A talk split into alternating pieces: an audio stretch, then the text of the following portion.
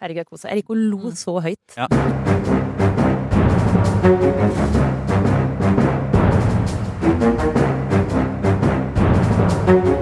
Der, vet du. Da er vi i gang med denne ukens Aftenpodden og er på plass alle sammen i studio. God dag, god dag, Sara Sørheim. Hei!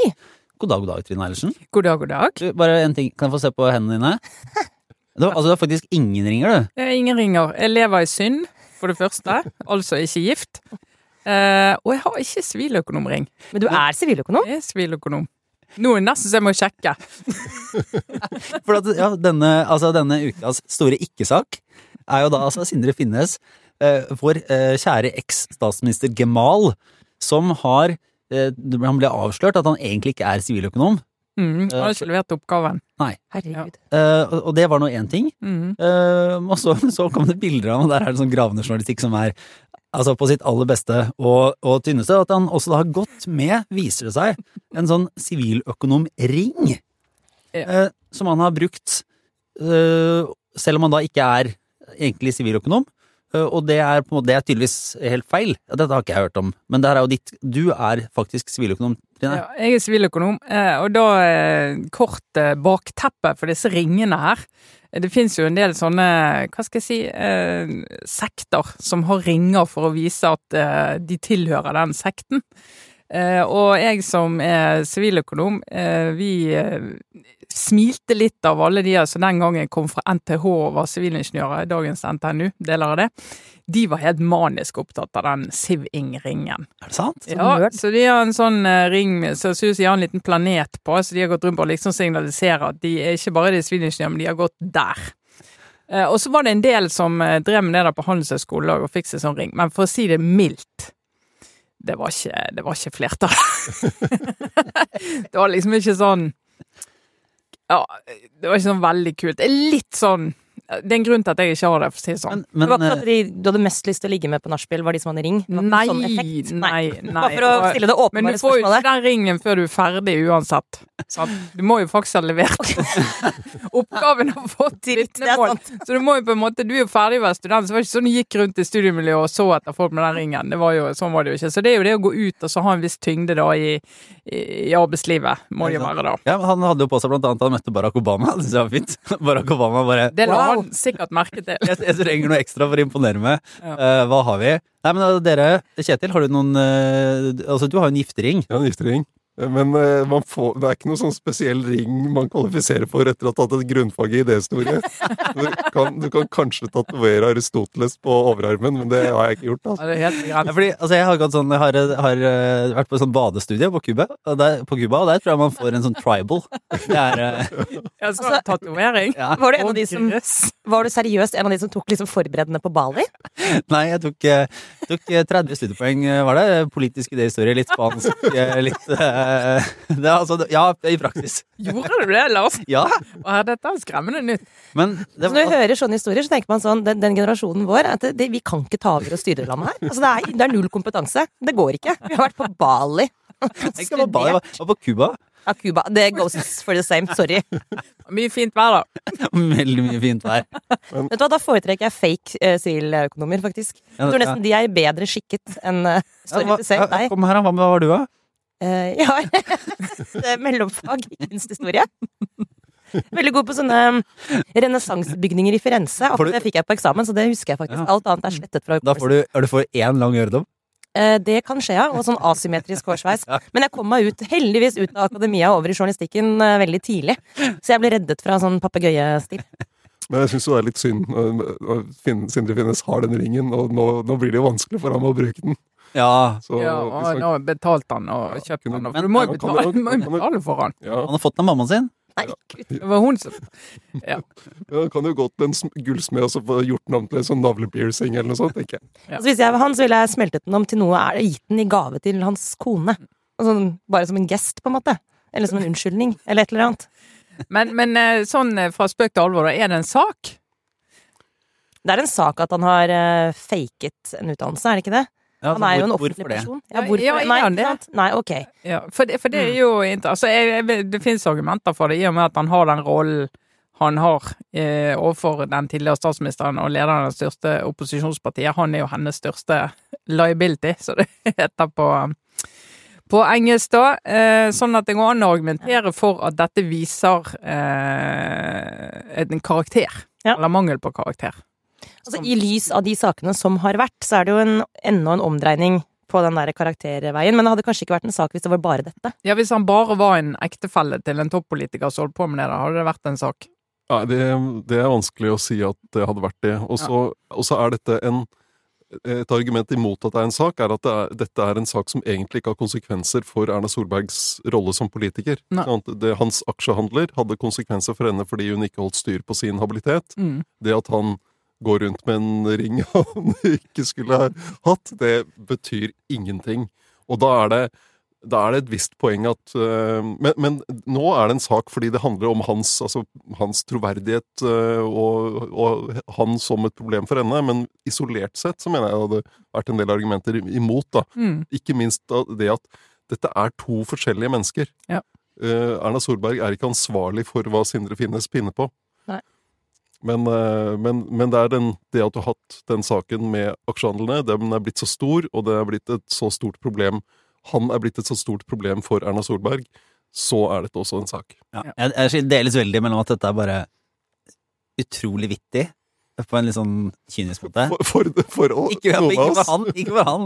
Nei, uff. Og det syns veldig synd på han, for det er litt sånn åh, dette Ja, og så hadde han jo ikke Det er jo ikke det, altså Hva er kjernen i det? Han har ikke levert oppgaven, men har jo tatt studiet sånn Det er ikke at han på en måte har ikke juksa he... Altså, han har jo studert til å bli siviløkonom, i det minste. Ja, Så liksom, det er ikke sånn at han har, han har ikke faket et vitnemål sånn helt fra grunnen av. Det er en viktig nyanse, det òg, da. men han, jeg antar at han ikke har skrevet oppgaven og så bare ikke levert den inn. Det er jo på en måte Nei, det, er, altså, det, er jo sånn, enten så er, Og det her er jo sånn, det er jo en beskytta tittel, så er det enten så er du siviløkonom, eller så er du det ikke. Ja, det er jo faktisk en av de. Og det er klart Hvis hadde vært lege, hvis det var lege som var snakk om, så hadde det jo vært farlig. Så det var alle som faker at de er lege, det har vi jo sett enkelte som har gjort.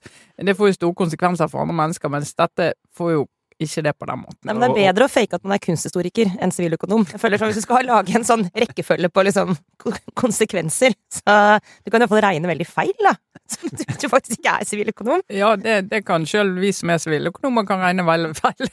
Og det har jo ikke, han har jo ikke oppgitt noe feil da han søkte den jobben han har i norsk industri, og det er ikke noe krav å være siviløkonom i den stillingen han har, så han har ikke gjort noe, noe gærent sånn sett. Men uh, han har jo da oppgitt siviløkonom siviløkonom ved noen anledninger, og det skulle han ikke gjort. Ja, uff, ja, ja. Nei, vi går videre. Du Kjetil, eh, på plass, men du har jo vært en eh, tur til Nord-Norge. Kom Ja. deg tilbake før skal jeg si, du, ja, kom Jeg deg tilbake opp før det før, virkelig traff. før det ble ordentlig ille, og så reiste jeg ned etter at det hadde vært ordentlig ille, og så blir det ordentlig ille igjen. Så det, det var til og med sånn at jeg så noen søppelkasser som var blåst over ende. Nei, Oi, oi, det fikk dette dramaet på nært hold. Hva var det du gjorde, egentlig? Nei, det var eh, NRK som hadde en fagkonferanse om hva som skjer i nordområdene, og så mye om, eh, om sikkerhetspolitikk og, og, og krigen i, i, i Ukraina og sånn, og konsekvensen av det. Og det er klart, du, du kommer jo mye tettere på, uh, i særlig i Øst-Finnmark, som et godt stykke fra Tromsø, men likevel. For der har de jo hatt den kontakten med Russland over grensa, og du fikk eh, liksom bygd ned eh, hindringer, fikk en stor utveksling, og der har folk venner, og de har familie på begge sider av grensa, så det blir jo mye nærmere for dem.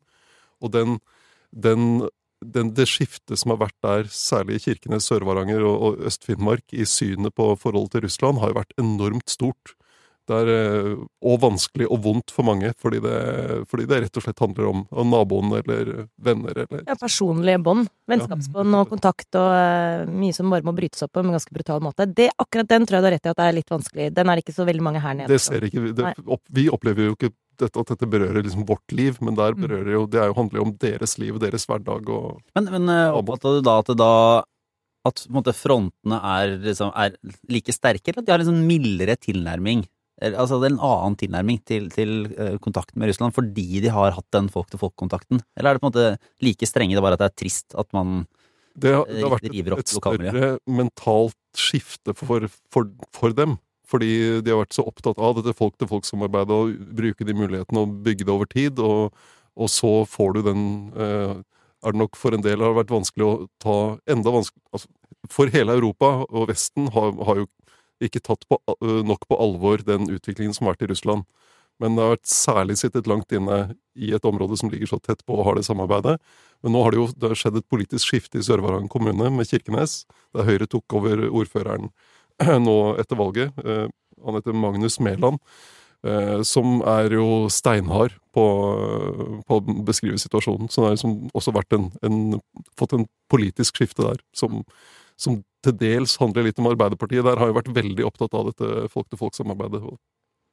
Vi får, vi får Så veldig interessant. Ja, eh, Det eneste stedet det er dårligere og kaldere stemning, eh, er vel i, eh, i Industri- og Næringspartiet. Ja. Eller hva vi skal kalle det. Nå skal jeg ta en liten gjennomgang. eh, Og som makta, eller nesten som makta, for det er ikke basert på det er ikke basert på løgn, det er det ikke. Det er alltids noe. Ja, så det er alltid noe. Og så er det basert på sånn middels god hukommelse. Men uh, først og fremst basert på at det har skjedd så mye siste halvåret med Industri- og Næringspartiet at denne tidslinja Det krever for mye research å få den 100% Men det er litt precis, fakta også. alt. Det er veldig mye fakta. Uh, forsøksvis alt er fakta. Uh, for da bare for å gå opp det siste halve året Fakta og alternative fakta. ja, det, ja. Men, men det er bare ikke sikkert vi får med alt. Ikke sant? Fordi altså, vi har Industri- og Næringspartiet, som gjorde en sterk valgkamp, kom opp, eh, gjorde et godt valg, fikk omtrent 80 000 stemmer ved kommunevalget i fjor høst, og har bare fortsatt å øh, vokse fram på målingene. Og så har vi Ove Ingman Waltsjø, som har vært liksom ledestjernen, drevet dette partiet fram, eh, blant annet liksom gjennom en enorm Facebook-gruppe, der de også har utarbeida partiprogrammet sitt. For han startet det. Han startet det. Ja. Genuint demokratisk prosjekt, sant? Ja, det, Starter med en idé, samler folk, utvikler program sammen. En partigründer han valgte å se. Nettopp.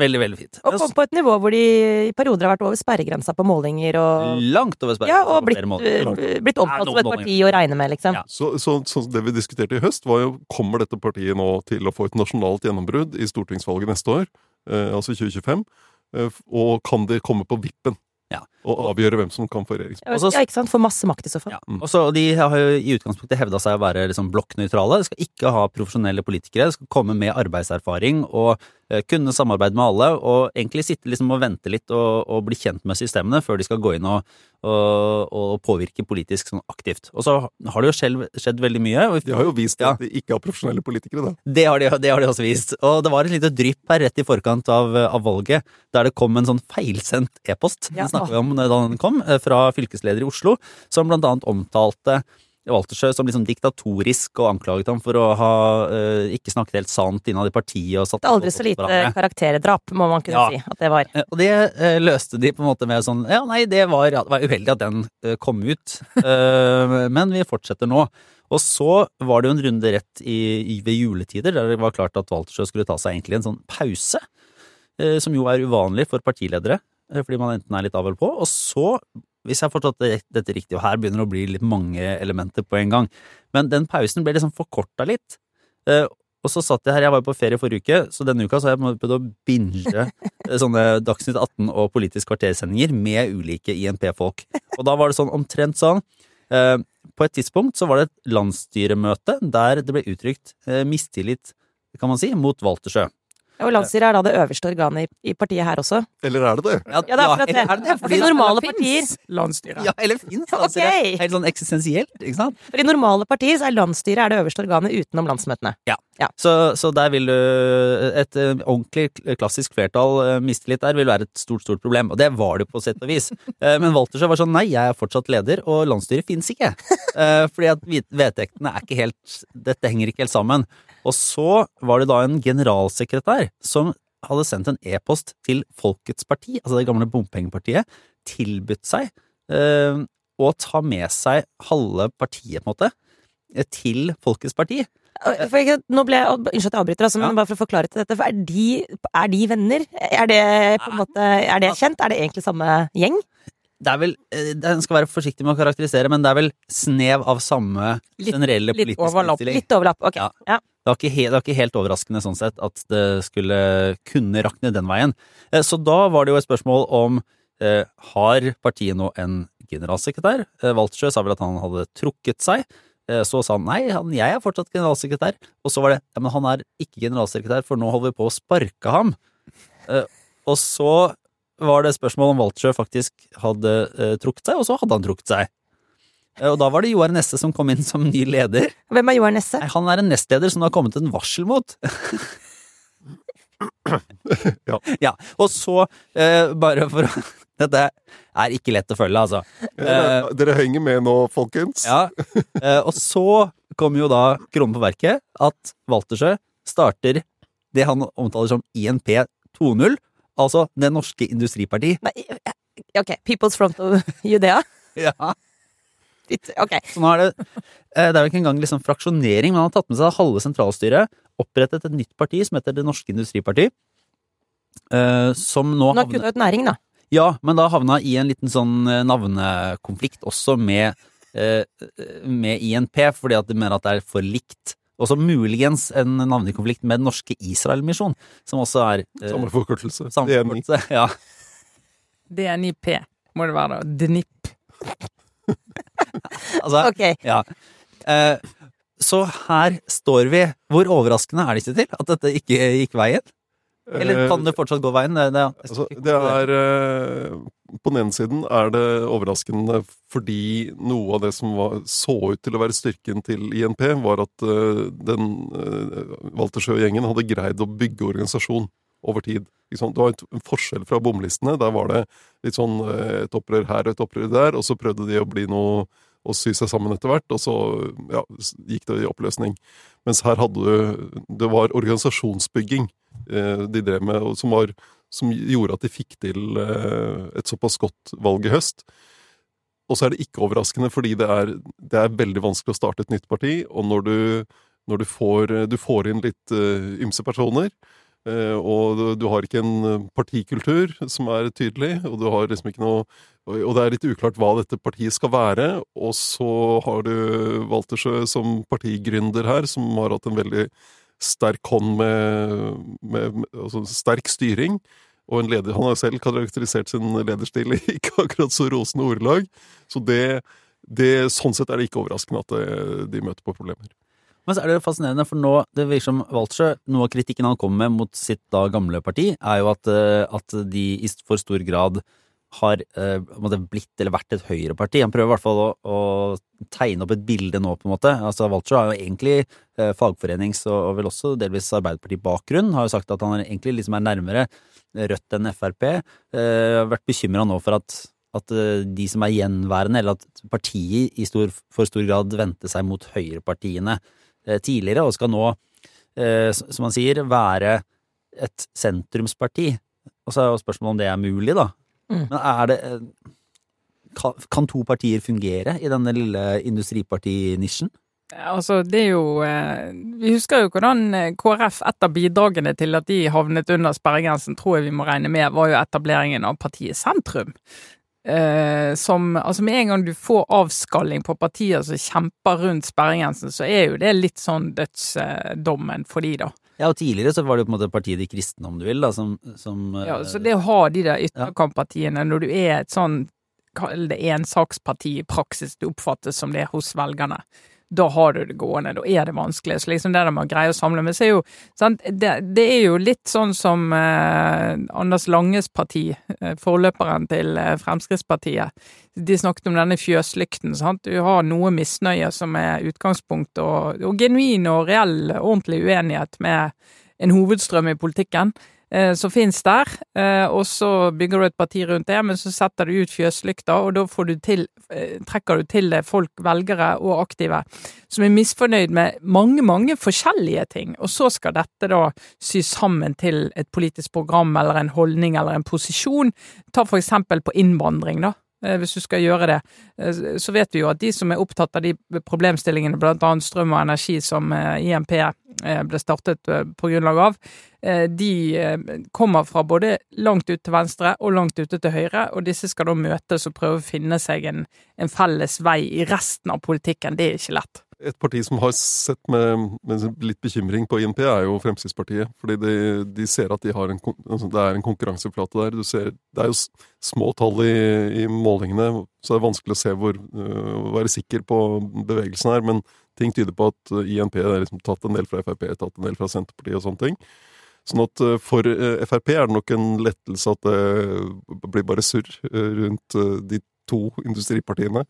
Eh, og så er spørsmålet er dette velgere som da vil uh, bli tatt av et annet sånn protestparti eller misnøyeparti. At det kan komme noe, noe annet som tiltrekker dem. Eller om Frp får den posisjonen inn mot valget neste år og kan liksom, ta, de, ta en del av de velgerne. Eller er det velgere som da lar være å stemme? Det er interessant å Unnskyld, det er jo interessant hva som på en måte er det beste grunnlaget for å bygge et parti på. For at, eh, Hvis vi ser liksom på de klassiske store, eller nå også ganske små partiene, men de som på en måte vedvarer, som har det ideologiske utgangspunktet. Eh, og så kan du tilpasse enkeltsaker og konkret eh, realpolitikk eh, etter hvert som tiden går, men at du har noen sånne Altså du, du er grunnfestet i noen prinsipper. Mens partier som er, liksom, tar utgangspunkt i en enkeltsak, eller en som var inne på, protestbevegelse, da har du Det er et veldig annet utgangspunkt, som du beskrev, Trine. Så kan du si det er en fordel der og da, fordi du kan være så tydelig i diskusjoner om akkurat den saken. Uh, mens for eksempel Arbeiderpartiet, åpenbart eksempel, er veldig vanskelig akkurat nå kanskje helt å gripe liksom, hva er å være sosialdemokrat i 2024. Men over tid er nok det en litt enklere Det er litt sånn enklere grunnmur å stå på. Mm. Prinsipper, og så kan man bare jenke det til.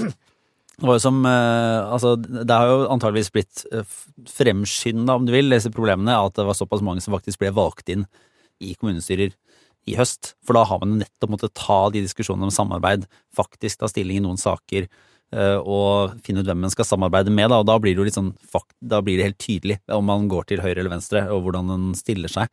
Så, Det er litt synd. altså det hadde vært, altså Hvis man skal være litt Kanskje det er på grensen til romantisk, da, men tenke sånn at det hadde jo vært koselig eller fint, eller et godt tegn for demokratiet. At det gikk an å liksom starte en bevegelse, komme på Stortinget, få reell makt, påvirke samfunnet.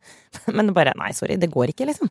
Så jeg vet ikke om vi skal være glad, eller om vi skal være triste over det. Altså På en måte en sånn lettelse at eh, Sorry to say, men så uproffe politikere faktisk ikke kommer inn i parlamentet, er jo bare sånn på vegne av demokratiet eh, Det er jo litt bra. ja, men det kan jo Må ha lov å si det. Ja, men jeg mener at Eller?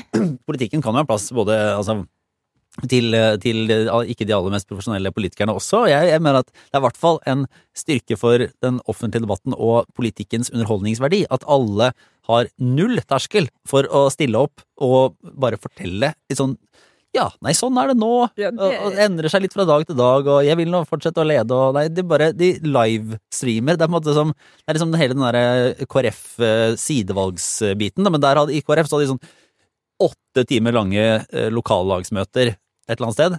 Her tar de det bare Effektiviserer det til en sånn derre eh, TikTok-tidens uh, bare 30 sekunders cage cagefight. Der det bare Ja, nei, nå er det bare over. Nå har det gått ei uke. Det står ut som et parti. Nå er det ikke et parti lenger, nå er det to.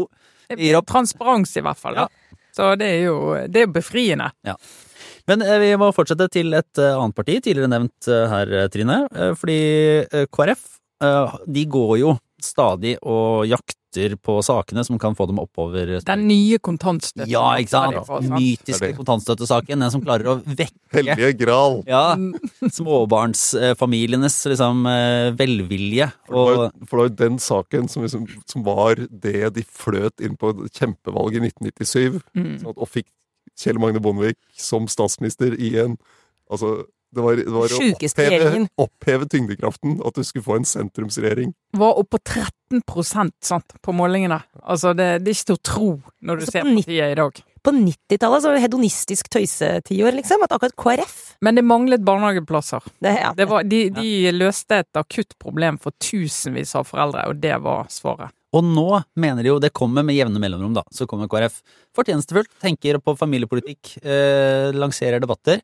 Nå har de jo da kommet med et uh, nytt forslag som uh, de tenker kanskje skal løse et problem for uh, 10 000. For deg, faktisk. Ja, for meg. Du må bare komme ut av skapet hvis du har behov for det, Lars. du blir snart litt sånn KrF-er. eh, KrF-er, du. Ja, for se, for Forslaget da er jo egentlig at eh, småbarnsforeldre, eh, de som har barn under tre år, skal kunne jobbe 80% få 100% lønn. Velkommen til Disneyland. Det, ja, så fint, da! Topp stemning. Altså, jeg er imot, kan man si det. Nei, men Det er bare Ja. fordi du ikke har barn som er under tre år. Det er helt riktig. Ja, er det det? Er det bare fordi du ikke har barn som er under tre år? Det, det er jo spørsmålet. Fordi at uh, Så jeg vil forresten anbefale en uh, forbilledlig godt skrevet lederartikkel i Aftenposten i dag om dette temaet. Jeg skal jo ikke spørre hvem som har skrevet den. Det er jo Mange som tror det er jeg som skriver lederen i Aftenposten, jeg er jo ansvarlig for det, dypest sett. Delegert Delegerte Kjetil, da. Eh, Men det er ikke jeg som har skrevet den, så jeg kan skryte av den. Den, er, den, er, den argumenterer veldig greit for hvorfor den der eh, 80% jobbing, 100 lønn-logikken eh, ikke henger sammen. Hvis du skal ha alle de andre tjenestene som du ønsker deg til barna dine, skole, helsestasjon, sykehjem til besteforeldrene. Hva, hva mener du? Er Aftenposten mot dette? 100% ikke bare 80% men 100% imot. Jeg vil nesten gå så langt som å si 180% mot. Hva er Altså, ikke sant, det, det var på en måte Ok, helt overraskende at dere to, mamma og pappa her i studio, syns det var en dårlig idé. Men eh, hva er grunnen Altså, hvis man skal tenke Altså, hva er begrunnelsen for, da? Eh, for det høres Vi må jo jo begynne da. Vi ønsker oss flere barn i landet. Ja. Ja. Og, ut, og litt utgangspunktet til eh, en del partier, da, inkludert KrF, det er at en av grunnene til at du ikke får bedre barn, det er at livet er så slitsomt, og det er dyrt, og det er vanskelig å gå ned i stilling fordi at eh, det koster deg så mye, og da får du ikke hverdagen til å gå opp, og tidsklemme. Så hvis du kan hjelpe foreldrene og si vet du, det skal ikke koste deg noe, men du skal få lov å jobbe mindre. Du kan gå en time før. Gjør ingenting. Ja. Så vil det gjøre at det er lettere for folk å ha barn, og da vil du få flere barn. Ja, for det store målet der fremme, det som skal være samfunnsnytten, er rett og slett at vi føder flere barn. Ja, og så Ja. men, mener vel KrF at de har eh, at- det vil ha en del liksom, positive konsekvenser. At det er liksom, de kanskje Én ting formaliserer noe av det som for mange er et ønske eller håp, at man nå jobber, må jobbe mindre. Det er liksom sykeunger, det er ting som skjer, sånn at du kan uh, ha en sånn for, forventningsavklaring for uh, de som har små barn. Og så er det vel altså at en teori om at det fører Altså arbeidspress, eh, tidsklemma, fører til en, liksom, sykemeldinger, dårligere helse. Ting som også er ineffektivt for arbeidslivet, da. Men Det er ikke unormalt å ha småbarn. Altså, det er en del av, eh, en del av livet. Det at folk eh, i en periode velger å jobbe redusert, det, er jo, det må jo folk velge selv. Jeg jobba redusert en periode jeg, da vi hadde småbarn. Eh, men, men, systemet rundt arbeidslivet må jo være å stimulere til at folk jobber. Fordi vi trenger den arbeidskraften. Vi skal ha de lærerne som KrF vil ha, vi skal ha alle de sykepleierne som KrF vil ha, og hjemmehjelpene som KrF vil ha, og alle de andre. Og problemet i mange sektorer er at vi har ikke nok arbeidskraft. Og da kan du ikke betale folk for å la være å jobbe. Det er vanskelig å være uenig i det, Kjetil, men bare sånn akkurat det å kunne jobbe redusert er jo et privilegium som ikke så mange mennesker har. Så det kan man jo bare ha med i diskusjonen, da. Det At er veldig mange som, har det, veldig mange som gjør det. Det er jo svært er veldig- mange, særlig det. sykepleiere og folk som jobber i helse, helsesektoren, jobber jo deltid, ikke sant? Ja, men fri, og så er det jo spørsmål om det er frivillig eller ufrivillig deltid videre, da. Men jeg bare tenker på sånn med eh, renteoppganger og boliglån og det er, jo en, det er jo en inngripen i økonomien som i hvert fall færre mennesker enn før da, har muligheten til å, til å leve med. Altså gå ned, gå ned i lønn. Ja, liksom, Men, men, det, men, men da må, må jo utgangspunktet være er er det et mål i seg sjøl at småbarnsforeldre skal jobbe 80% og ikke 100% Altså er det det? Nå har jo småbarnsforeldre jobbet 100% så lenge jeg har levd. Mine foreldre gjorde det begge to. Uh, altså det er litt uh, Er det helt klin umulig å se for seg en fremtid der to foreldre jobber 100% i en normal jobb og har barn? Så spørs det skal, veldig på skal jobben. Lars både få billigere barnehage, som han har fått nå, og så få, uh, få en dag fast voksenferie i uka? Og, og, og høyere barnetrygd? Nei, altså, men det som jo eh, er en kjensgjerning, muligens Altså, den elefanten i rommet er litt at vi jobber, vi legger inn litt ulik Altså, det er ulike faser i livet. Det er det. Eh, og det er eh, på mange arbeidsplasser på en måte sånn altså Hvis du ser på dette her i et, et sånn livsløp, da, så vet vi at antall timer du har på kontoret, går litt ned eh, for mange når man er i den mest sinnssyke småbarnstiden. Og så henter man det inn på andre måter, og, og det er, men arbeidsgiver også har jo ofte en sånn slags fleksibilitet også, liksom jeg, jeg tror vi på en måte bare vi har et slags sånn, hva skal vi kalle det for det, sivil eh, enighet, en slags sånn sivil kontrakt om at uh, barnehageforeldre går klokka fire, og de andre går litt seinere. Så Det går jo greit. Og Også variere med type jobb, da. Altså hvis du har hvis du Det er. I, i den uh, Apropos i det privilegier, ja. tempoet på sykehuset og sånn, så er det ikke så lett å Men du kan ikke gå en halvtime før. gå en halvtime før de andre er kommet. Men, men, men det er jo den, eh, denne logikken òg om at eh, skal du ta det valget og den økonomiske belastningen det er å gå ned i stilling, at du skal si at for vår familie passer det, vi tar den økonomiske belastningen, eller skal samfunnet ta ansvar for at du tar den, gjør den prioriteringen? For det er jo, eh, det er jo, det er jo der denne mest sånn grunnleggende prinsipielle ligger. Det er jo der KrF skiller seg fra eh, de andre partiene. Altså Venstre og Høyre vil jo aldri mene dette. Fordi at de vil jo tenke at det ikke er et samfunnsansvar å legge til rette for den type individuelle og private prioriteringer. Vi må ha ordninger som liksom treffer bredt, og som gjør at du kan gjøre dine valg innenfor en eh, rimelig ramme, da. Så må det jo ses i sammenheng med de ordningene som allerede er der for barnefamilier. Det er en ekstremt raus foreldrepermisjonsordning og veldig godt og billig barnehagetilbud.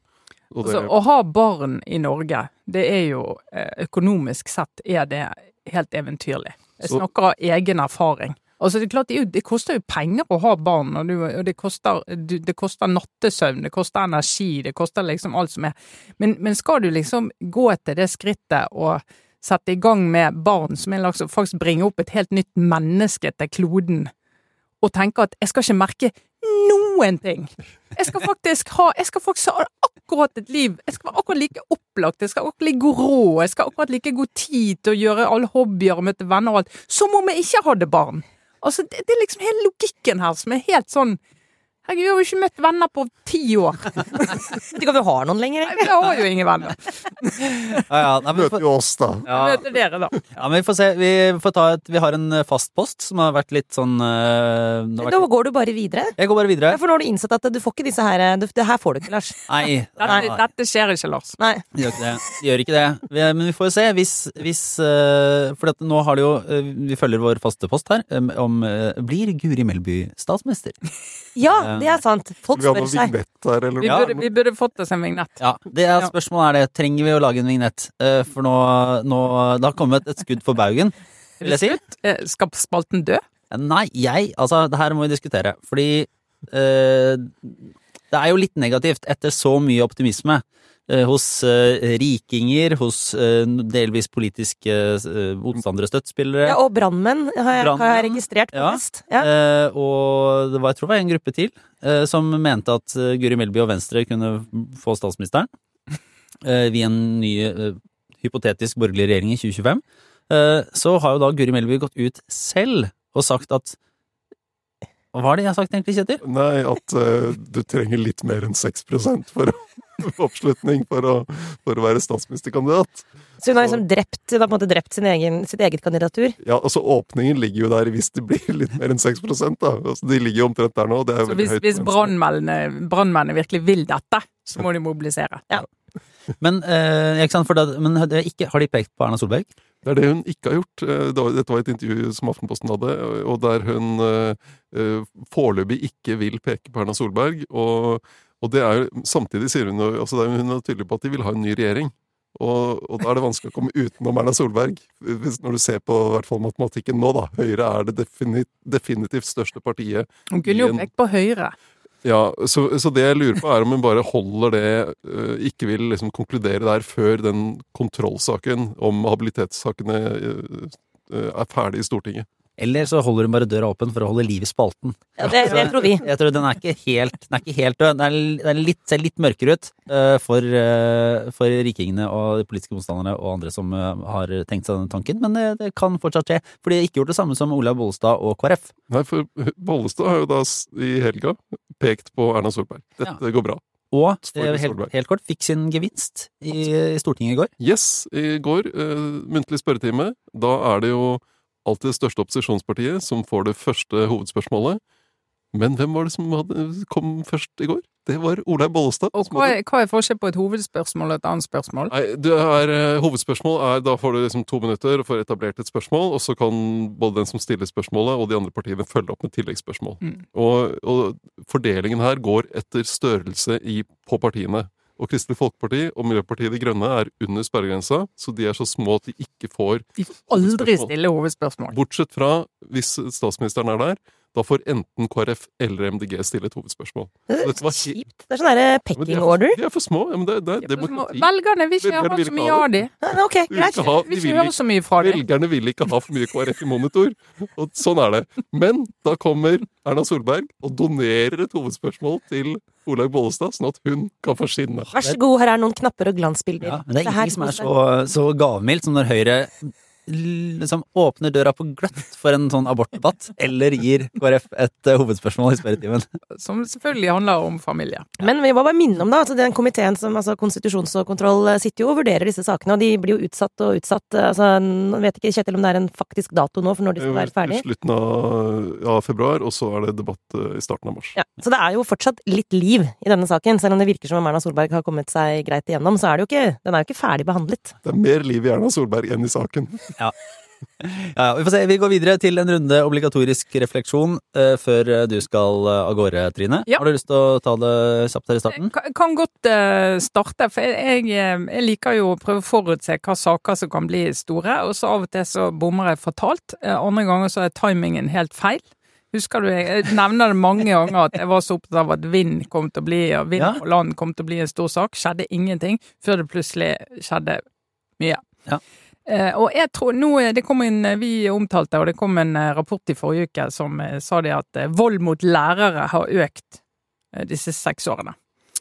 Eh, Og eh, det er også en økning blant lærere som er større enn i andre såkalte voldsutsatte yrkesgrupper, som vektere og sykepleiere, eller helsepersonell. da. Eh, Og den saken her ligger der og ulmer, og det er liksom ikke noe sånn voldsom politisk debatt om det, men ute blant folk så er dette en ganske stor sak, og noe som eh, mange snakker om. Så jeg bare peker frem nå. Dette kan bli en sak som Og jeg så Frp var veldig raskt ute. Tror det var klokt av de å gjøre det. Gå inn og liksom eh, ta en posisjon i den saken.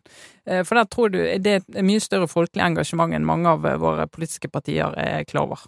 Som, eh, altså da bare for å, Litt ramme rundt den spådommen, da, for å kunne gå ettergå den som timingmessig. Men da, da ser du inn mot stortingsvalget. Inn mot stortingsvalget, og hvis vi skal snakke om skolepolitikk, som jo ikke var et tema i forrige stortingsvalg, men eh, hvis det nå skulle bli det, så tror jeg at eh, politikerne er nødt til å ha holdninger og tanker til disse spørsmålene. Jeg kan egentlig fortsette, ja, fordi min eh, OR eh, inkluderer jo litt deg, Trine.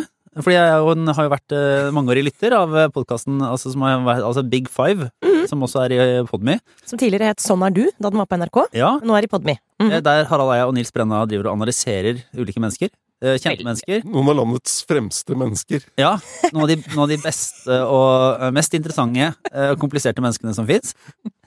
Altså, det viser seg at noen er sjokkerende lite kompliserte, da Ja, bare ja, ja. veldig, veldig rare. Men de bruker jo et eh, sånn rammeverk som heter Big Five, som er en personlighetstest som også brukes i rekruttering og i forskjellige ting, som er liksom anerkjent for Altså, sånne tester vil jo aldri være en 100% korrekt beskrivelse, men er ganske sånn anerkjent for å avdekke noen grunnleggende karaktertrekk hos mennesker, som svarer på et spørreskjema, og så får man en analyse, da. Ja. Eh, Og det, det, og det programmet er jo da en samtale med, med de som har blitt analysert, basert på de, som, Ja. de Jeg resultatene. mener, jeg mener det her oppriktig er det beste sånn portrettjournalistiske Enig. Nyvinningen, eh, i, eh, i Norge eller bare rundt omkring, som jeg har altså på evig lenge. Ja. Fordi det får eh, liksom folk som kanskje ikke alltid snakker så mye om seg selv, til å liksom eh, åpne opp og dele vurderinger. Det har liksom et tallgrunnlag å gå ut fra når de skal gå inn i hvor jævlig rare eh, eh, og merkelige de er, da. For noen er det jo viktig å få noe konkret. ikke sant? Konkret å forholde seg til. Gi meg en utredning. Gi meg en NOU. Fakta på bordet her. Ja, Ja. Se åssen dette står til, det kan vi diskutere. Eh, og du var jo der nå. Ja, ja, absolutt. Jeg var der, jeg var der tidlig i høst, faktisk. Ja. flere måneder, Så jeg hadde litt sånn glemt det. Så plutselig begynte jeg å få noen meldinger på lørdag som sa at eh, ja, men er du rar, og ja, ja, ja, jøss. Og så tenkte jeg oi, her har det skjedd noe. Og så var, det, var den da lagt ut, den episoden. eh, Der jeg satt og snakket åpent. Og jeg er helt enig med deg, Lars. Det er mye bedre enn den klassiske portrettsjangeren, som er også så klein på alle måter, og særlig være med på. Eh, og også vanskelig å få til, egentlig. Fordi at de fleste av oss liker ikke å snakke om oss sjøl. altså, jeg vet ikke, er Eller ikke sånn- de fleste av oss, det er feil, men Ja. noen ja. av oss liker ikke det. Hvis du har sånne tall som det du har på den testen, så liker man ikke det der inne. altså, veldig, veldig, veldig gøy. Altså, det, hele serien, men så er den episoden for de som hører på Aftenpodden den kan vi, Lars, det var din noe her, da, men vi kan jo anbefale den varmt. For den er jo, er Ja, ja, et veldig fint portrett av deg, Trine, og det er også veldig sånn nyttig. Det er jo du veldig opptatt av, viser det seg. Ikke overraskende at ting må være nyttig. Og jeg vil si at denne episoden er nyttig hvis man ønsker å forstå på en måte, bakgrunnen for Trine Eilertsens meninger og tankemåte. Ja. Så får man noen sånne gode nøkler, da. Ja, og kanskje òg litt min holdning til journalistikk, faktisk. Ja. Eh, Det ligger jo baki her. Men du har jo et eh, ekstremt eh, gøyalt eh, Altså, det, det er jo Du ligger jo på veldig mange parametere. Helt sånn så lavt at programleder Nils Brenna sa at det her er egentlig ikke et utslag. Altså det er ikke puls her, liksom. Og så, så her er det bare sånn. Og på, på en del ting som mange av oss andre på en måte kan eh, der er vi, ja. Det finnes folk med helt andre typer scorer, da. Men, eh, men der er det jo, du er jo veldig lite forfengelig, for eksempel. Helt, helt uten interesse for å vise frem deg selv og dine resultater. Og, altså, det er Og fascinerende. veldig litt nevrotisk, skulle det vise seg. Det visste jeg jo. Ja, det var, ja. Og kanskje ikke så ja, Vi skal ikke spoile her, men uh, kanskje kan du også si at uh, du anerkjenner at følelser fins, det bare påvirker deg ikke i så stor grad. Nei, altså det som eh, Og så er det jo det med, med det programmet og den testen at det som gjør det underholdende, er at de tar tak i ekstremitetene, sant? der du scorer Der du avviker fra andre.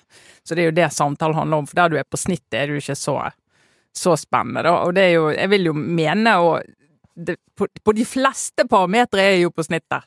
Ja da. ja nei, så det var. Ja, så det er en liten anbefaling da, å høre Big Five. eh, Det er, altså, veldig mange episoder er kjempe, kjempegode, men særlig eh, for Aftenposten-lyttere vil jeg jo tenke at den med deg, Trine, er, eh, er spesielt interessant og, og generelt god. Eh, Men åssen er det med dere, Kjetil? Har har du en obligatorisk refleksjon denne uka? Ja, eh, det er litt, litt vrien eh, å gå inn i, eh, men eh, Lillebjørn Nilsen døde jo nå eh, og får eh, mye hyllest. Eh, fortjent. Han jo, har jo vært en eh, utrolig viktig artist i, i så mange tiår, og noen alle har et forhold til. Både ham som person og, og, og sangene hans. Og så får du opp en debatt med en gang om hvordan han skal liksom, minnes og hylles og sånn som, som jeg syns rett og slett blir, det blir litt uverdig, da. Å, hvorfor det? Nei. Og så er det, hvilken del av det? For det er jo to, det er en er sånn eh, statue på liksom Kiellandsplass, har jeg fått med meg. Ja. Andre er sånn statsbegravelse. Ja. Jeg, jeg, skjønner, jeg skjønner hva man ønsker. ikke sant? Man ønsker å si noe veldig flott om en, en, eh, en artist som har betydd mye for landet. Eh, og, og så er det greit å liksom, la det La det ta de tingene litt i tur og orden senere. Altså ikke akkurat i, i det øyeblikket der sorgen er ny. Eh, sånn som det var kommet forslag om å døpe opp Alexander Kiellands plass til Lillebjørn Nilsens plass, som jo ville vært veldig rart når en av de store sangene til Lillebjørn Nilsen heter Alexander Kiellands plass. Da bør du ikke fjerne den plassen. Eh, og også med statuer så er jo sånn så det, er det jo greit å liksom se La det La folk være døde noen år, da, før man Ja. finner ut eh, skal vi sette opp en statue. Og så får du den debatten om bisettelse på statens uh, bekostning. Uh, Som vi også hadde da Ole Paus døde. Og den må du nesten ta med en gang. Ja, den kan du ikke Den vente årevis med. Ja. Uh, Men der fikk du også den, og, og, og Ole Paus ble jo ikke bisatt på statens bekostning, og det var mange, noen som reagerte veldig sterkt på det. Og problemet med den ordningen er jo at det, det er ikke noen klare kriterier. Eh, og, og du får Og da blir det en sånn Oppi en, eh, oppi en sorgsituasjon så får du da en sånn veldig sånn følelsesladet diskusjon om skal denne personen eh, bisettes på statens bekostning, skal, eh, hvorfor, hvorfor skal han eller hun, men ikke han eller hun? Ja, fordi altså, Shabana Rehman fikk. Hun fikk, og det har, eh, og det har mange da tidligere, altså tidligere statsministre, tidligere stortingspresidenter, eh, flere av de fra motstandskampen under krigen, eh, mange skuespillere, Rolf Wesenlund, Wenche Foss osv. Ikke Torvald Stoltenberg, altså tidligere utenriksminister og, og sånt noe. Han fikk, ble ikke det. Ikke Ari Behn, selv om han eh, med sin uh, tilknytning til kongehuset. Så det, det, er- det Hvem er det som bestemmer det, egentlig? det er regjeringen som bestemmer. Og så er det ikke noen klare retningslinjer for, for, hvordan, Mm. for hvem som skal bisettes på Det er ikke noe formelt, sant. Nei. At du har hatt sånn og sånn rolle, eller og, så, og da blir det jo veldig emosjonelt. Det blir veldig emosjonelt. Eh, Så jeg, altså jeg, Einar Lie, professor Einar Lie skrev om dette for, eh, i Aftenposten for noen uker siden, eh, og argumenterte veldig godt for at den ordningen bare bør skrotes. Begraves. Be- Den bør begraves uten, uten på statens bekostning. Eh, Et alternativ er å si at du har noen roller der det er rimelig å gjøre det, f.eks. tidligere statsminister, tidligere stortingspresident. kongen, kanskje? Eh, Det Selv du er, må er vel innrømme det? Altså, kongen er en egen historie. Men, Men- jeg, jeg vil ha et forslag. Kan, hva, om, hva om vi innfører en slags søknadsprosess mens man er i livet? Ja, du søker i forkant, ja. Ja. Snakk om apropos uverdig. Jeg- Altså, det for et shitshow av Jeg selvhøytidelighet vil, jeg, det jeg, blir. vil, jeg vil gjerne, jeg vil gjerne Da, da kommer jeg aldri til å få. Nei, Jeg vil gjerne bli gravlagt på statens bekostning. For du ser for eksempel eh, næringslivsfolk er det jo veldig vanskelig å finne noen av på de listene over eh, Og, og har ikke de en stor betydning for samfunnet? De som bygger opp Einar eh, Lie trakk jo frem eh, Johnsen som, eh, te, som etablerte, var med å etablere Statoil. mm, eh, Som definitivt en høvding i norsk næringsliv. Det var jo ikke et tema om han skulle få begravelse på statens bekostning, men at han har bidratt, kan ingen bestride. Arve Johnsen. Så, Arve Johnsen, ja. Altså det, men, men det å hedre Lillebjørn Nilsen, det syns jeg absolutt man skal gjøre. Kjør en konsert. Få Mm. de beste artistene opp til å synge sangene hans. Ja, ja. Enig. Hva er det med deg, Sara? En kjapp anbefaling og en, et hjertesukk til slutt. Ja. Anbefalingen er bare, bare en lit, bitte liten shout-out til eh, VG kjører mange saker for tiden om forsvarssjef Eirik Kristoffersen. Skal ikke gå inn i sakene nå, men det er bare, de er veldig interessante, og de er litt sånn under radaren-saker. Det handler om eh, den utmerkelsen han fikk før han ble forsvarssjef, eh, for et oppdrag som han ledet i Afghanistan. Som handlet om å ta til fange eller arrestere en Taliban-leder. Men, Ja. men det var der, der, jeg har ikke fått med alt her. Men de fikk ikke med seg en Taliban-leder? De fikk med seg en murer? Nei, det som er kjernen i den saken, veldig kort fortalt, det er bare, det er bare en anbefaling, fordi den, den er så interessant å gå inn i, fordi det ligger noen ting her som, eh, som er veldig, veldig klassisk for mennesker med makt. Det er ikke nødvendigvis saken i seg selv som blir problemet, det er det som på godt norsk heter the cover-up, eller det som skjer etterpå. Altså, en ting er når du må komme, altså, det er en sak som er uheldig, fordi at det viser seg at den Taliban, de tok ikke den personen de trodde de tok. Eh, og det er beviselig, altså det, det vet, altså det var feil person. Spørsmålet nå er, visste eh, de norske forsvarslederne at de hadde tatt feil person? Fordi denne, dette raidet, denne saken, eller denne aksjonen, har jo vært med eh, på Hyllet, å- og, vært hyllet, og eh, forsvarssjefen har fått en, en av de høyeste utmerkelsene du kan få for dette eh, oppdraget. Eh, og da er jo spørsmålet, var det eh, Visste han på det tidspunktet at de faktisk hadde mislyktes i oppdraget? Eller, eller var de ikke klar over det? Det er kjernen i saken. Eh, og dette har VG bare bitt seg fast i. Det er jo lenge siden den første saken hvor det ble klart at dette At de hadde tatt feil person. Det er jo over et år siden at de hadde den første saken.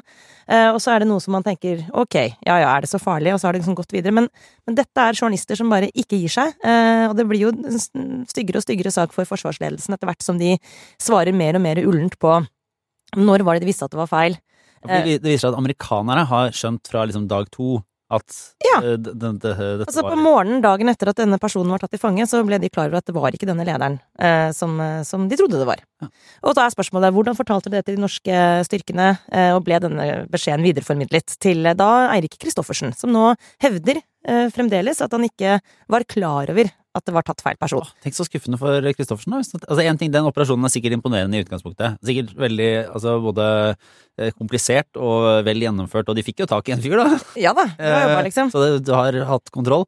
Og så har du eh, gått i årevis, da, så plutselig finner du ut at eh, du har fått eh, en sånn kjempemedalje for, eh, for å ha trakassert en stakkars murer.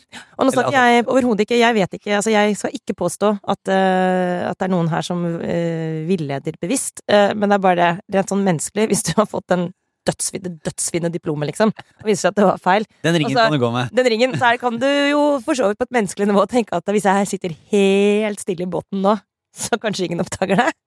Men det viser seg jo alltid at det er en dårlig strategi. Nei, bare, bare bitte lite sånn, merk dere den saken. Jeg tror ikke det her er den siste saken. Jeg tror at dette fort kan bli en svær sak. Men eh, vi får se. Eh, Og så bare en liten, et lite hjertesukk. Eh, egentlig bare sånn terapi, men eh, altså må jeg nå innse at vi som bor i østlandsområdet og er under 65 år, eh, må ta på alvor at det er jo fuckings umulig å bevege seg rundt uten å brekke lårhalsen. Altså, må jeg begynne med brodder? Altså, jeg bare føler at det er altså, jeg, I dag tenkte jeg vet du hva, jeg orker ikke. Jeg orker ikke å begynne med det. Da, det føler jeg da er livet over. Du må ha brodder eller piggsko. Du må ta ansvar for samfunnsøkonomien her. Så hvis du, hvis du brekker Åh, lårhalsen eller håndleddet eller noe sånt, det Mm. går utover arbeidslivet, og det går utover eh, Det blir kostnader på Du, legevakten. den derre glorien av en sånn siviløkonomring som henger over hodet ditt. Altså, det her gidder jeg Dette ikke. er, dette er samfunnsøkonomringen. Ja. Ja, ja, de får en glorie. Nei, jeg orker sånn, ikke. Vet du hva, det her, det her går grensen for hvor mye samfunnsansvar jeg orker å ta. For heller, når jeg har betalt min skatt med glede, altså hvis jeg brekker ankelen nå, så skal jeg, det skal jeg ta imot. Sier, du Da får du dette her har jeg fått 100 lønn. Det er akkurat det. Nei, så jeg står i det. Jeg, bare, jeg står i det. Jeg orker ikke. Jeg orker ikke å bli Den lyden av brodder er for meg lyden av alderdommen som kommer snikende plutselig en dag så våkner du, så har du gebiss og demens, liksom. Jeg gidder ikke. Nei, fader, ass. Jeg bestemte meg sjøl. Takk for rådet. Men det, den eh, eh, det, For det første, utrolig umuskalsk å ta det her opp på en dag der Nord-Norge blåser. Ja, unnskyld. Unnskyld. Ja. Eh, så, eh, så Og for det andre, det er jo ikke noe vei utenom. Men Har dere sett hvor mye is det er på fortauene i Oslo? Jeg skal Ja, jeg har sett det. Det er derfor jeg har brodder. Du har brodder, ja. Løkka-Lars har brodder. Det var siste Altså, spikeren i blir kista. Ja. Ja. Men- Nei, det er, ja, det, Har du det er brodder? verre, verre, verre. Jeg måtte kjøpe, for barnehagen ligger i Altså, faen, det ligger i bånn av en bakke! Du har blitt så Du har falt så vanvittig. Ja, det er helt, det er helt Ja. skummelt. Ja. Eh, Det er bra du har flytta til Suburbia, ass. Det har ingenting på Løkka å gjøre Nei. lenger. Jeg Det er stengt der for deg. jeg må løpe fra jobben ja, om en time, for det er selvfølgelig febersjuk unge. Det, er helt, det er helt vilt. Det er, eh, Jobbe jobber 100 da. Hermetegn, sånn som Trine har gått. Ja. Vanlig løsningen. Jobbe 80% få 100 lønn. Funker det òg. Full mann, halv dag, full lønn. Ja. Ja, ja. Nei, men det var bra. Det her er jo faktisk en åpen utgave av Aftenpodden, så for de av dere som ennå ikke har eh, kommet i gang eh, hos eh, Podme eller eh, i Aftenposten-appen som Aftenposten-abonnent, så vil jeg bare oppfordre til det, da. For da får du jo, får du jo faktisk mange flere episoder hver eneste måned, og uh, opptil flere i uka i disse dager, siden vi har våre Makta-spesialer som går gjennom NRK-serien Makta, episode for episode. Så der er vi tilbake på mandag. Eh, Og så er vi jo tilbake selvfølgelig til eh, uka med en eh, vanlig Aftenpotten-episode. Så er det noe annet vi skal ha med på slutten her? Nei, men eh, det, altså, nå er det jo bare to episoder igjen av Makta. Og bare to spesialer igjen. Ja. Bare å hekte seg på. Jeg er så lei meg for at det ikke er en sesong til. La oss starte en folkeaksjon. Nå som Industripartiet er borte, så trenger vi en ny folkeaksjon. Da er det for en ny sesong av Makta. Makta sesong to på Ja. statens bekostning. Kan vi få, er det sånn, eh, kan vi få mate det inn i sånn K, enten så må man skrive liksom sesong sånn fanfiction, at man kan skrive en sesong to Ja. selv om den ikke blir produsert, eller vi kan få KI til å gjøre det sånn, basert på makta sesong én, skriv. Løgn, dårlig hukommelse og KI? Ja. Ja, kanskje. Endelig kan vi få brukt det til noe, i hvert fall. Ja, vi får se. Eh, takk for nå uansett. Dette var ukens Aftenpodden. Ha det bra. I Poprådet denne uka har vi hatt besøk av sjefsredaktør og Aftenpodden-kjendis Trine Eilertsen. De ler og ler og ler, for de syns jeg er så drøy. Vi har snakka om hva vi kan lære av Isabel Rad. Det er tall vi kan drømme om. Og Ditt hjerte sukker. jeg sukker ikke. Kunstige nakenbilder. Klart det Hvis vi skal enige om at sånn kan vi ikke ha det, så må Elon Musk bli satt på en stol, bli bundet fast i en vegg og ikke holde på. Kyr som skaper problemer for Melodi Grand Prix. Det er jo ingen som skjønner hva de sier uansett. Og rynkete tiåringer. At åtteåringer er på TikTok, det er et barneoppdragelsesspørsmål. God natt, sier jeg. Hør Poprådet i Aftenposten-appen eller hos Podme.